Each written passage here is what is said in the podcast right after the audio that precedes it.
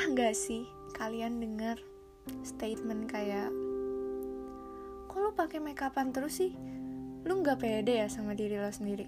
Kalau gue sih lebih yang natural-natural aja sih orangnya Atau Gue mah gak kayak perempuan lain deh Cewek-cewek tuh sukanya ikut ekskul ballet lah Modern dance lah Gue sih lebih suka suka basket, futsal, gue lebih yang kayak gitu-gitu dah. Pernah gak sih kalian denger kayak gitu? Gue yakin pasti kalian pernah dengar cuman kalian gak tahu kalau itu adalah aksi misoginis.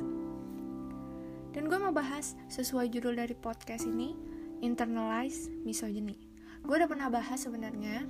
Gue udah pernah publish juga di dalam podcast gue tapi karena waktu itu gue masih apa ya kurang berpengalaman sekarang juga nggak berpengalaman tapi waktu itu lebih nggak berpengalaman lagi nggak ada pengalaman sama sekali. Jadi menurut gue kurang bagus jadi gue perbaharuin karena menurut gue topiknya ini menarik banget. Jadi internalize misogyny ini menurut gue nggak lazim. Maksudnya nggak awam gitu. Pasti banyak orang yang nggak tahu. Karena termasuk gue sendiri gue baru-baru ini aja untuk tahu dan tertarik nih wah ini topik apa sih? Menarik gitu apalagi kan ini menyangkut tentang perempuan. Jadi secara teori ini diartikan sebagai tindakan atau ucapan yang dianggap sebagai opini padahal salah satu opini tersebut menyudutkan atau menjatuhkan orang lain. Tapi dalam kasus specifically perempuan biasanya contohnya yang kayak tadi gue sebut atau mungkin misalkan kayak gini juga bisa. Gue pakai air wudhu aja sih untuk skincare biar nggak jerawatan. Nggak perlu beli skin skincare kayak kamu. Atau gue lebih nyaman temenan sama laki-laki. Soalnya temenan sama perempuan tuh gosip terus drama terus. Kayak gitu. Sesimpel itu aja. Itu misoginis lah. Secara tanpa sadar gue pun sering kayak gitu. Nggak sering juga sih. Maksudnya beberapa kali lah ada sementara motif dibalik adanya internalized misogyny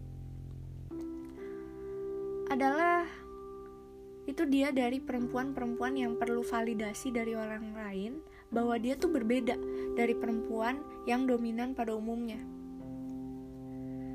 Di mana menurut pelakunya nih menjadi berbeda itu kayak unik dan dia tuh mau mengesankan orang lain gitu yang sebenarnya padahal perbedaan pendapat tentang perempuan ya perempuan tetaplah perempuan. Sebenarnya aksi misoginis ini menjatuhkan sesama perempuan.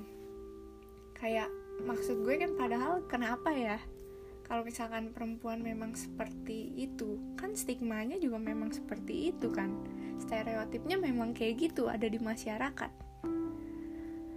Dan kenapa seseorang bisa jadi kayak gini biasanya dilatar belakangi dari peran keluarga.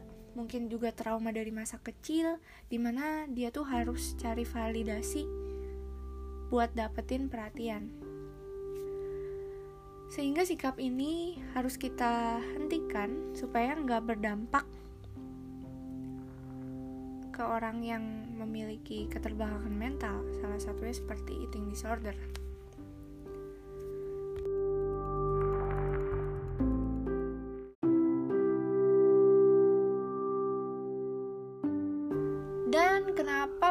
perilaku ini nggak baik dan harus dihindarin karena internalized misogyny secara tidak langsung adalah bentuk kebencian terhadap perempuan mau pelakunya perempuan ataupun laki-laki.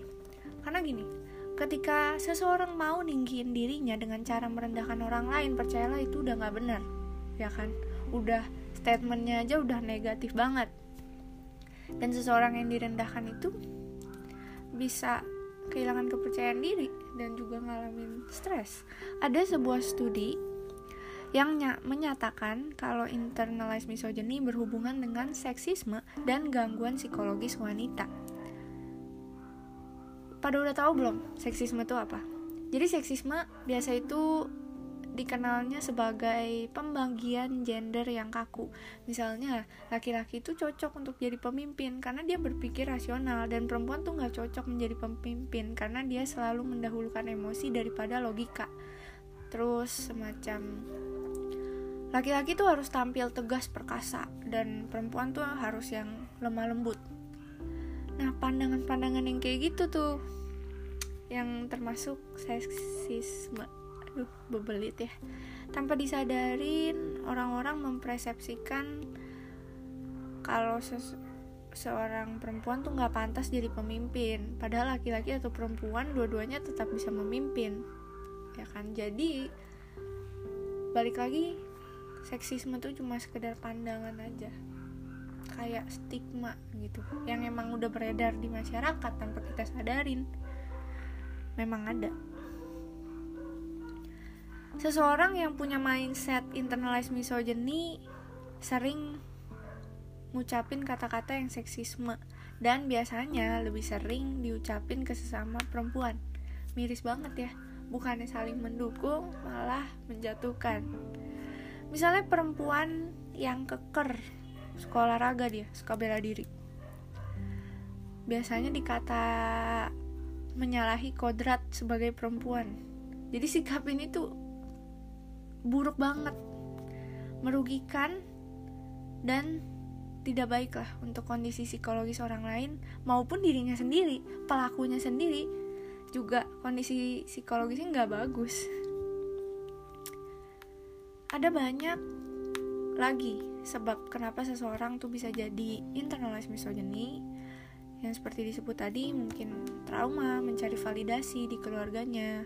Atau mungkin dia juga punya pengalaman buruk waktu saat kecil karena karakter seseorang tuh terbentuk pada saat dia masih anak-anak. Jadi kalau misalkan pas anak-anak dia dapat banyak pengalaman buruk dia akan menimbulkan banyak trauma dan kebencian pada satu hal. Dan mungkin dia juga punya pola pikir yang keliru. Terus supaya punya pola pikir yang baik kita harus memperluas wawasan kita. Ciri-ciri dari internalis misogyny kalau misalkan kalian gak sadar nih lo tuh sebenarnya misogini juga gak ya? Itu ketika seorang perempuan tuh nanya apa cuman gua yang nah kayak gitu gitu tuh. Apa cuma gua yang nah, banyak kan yang kayak gitu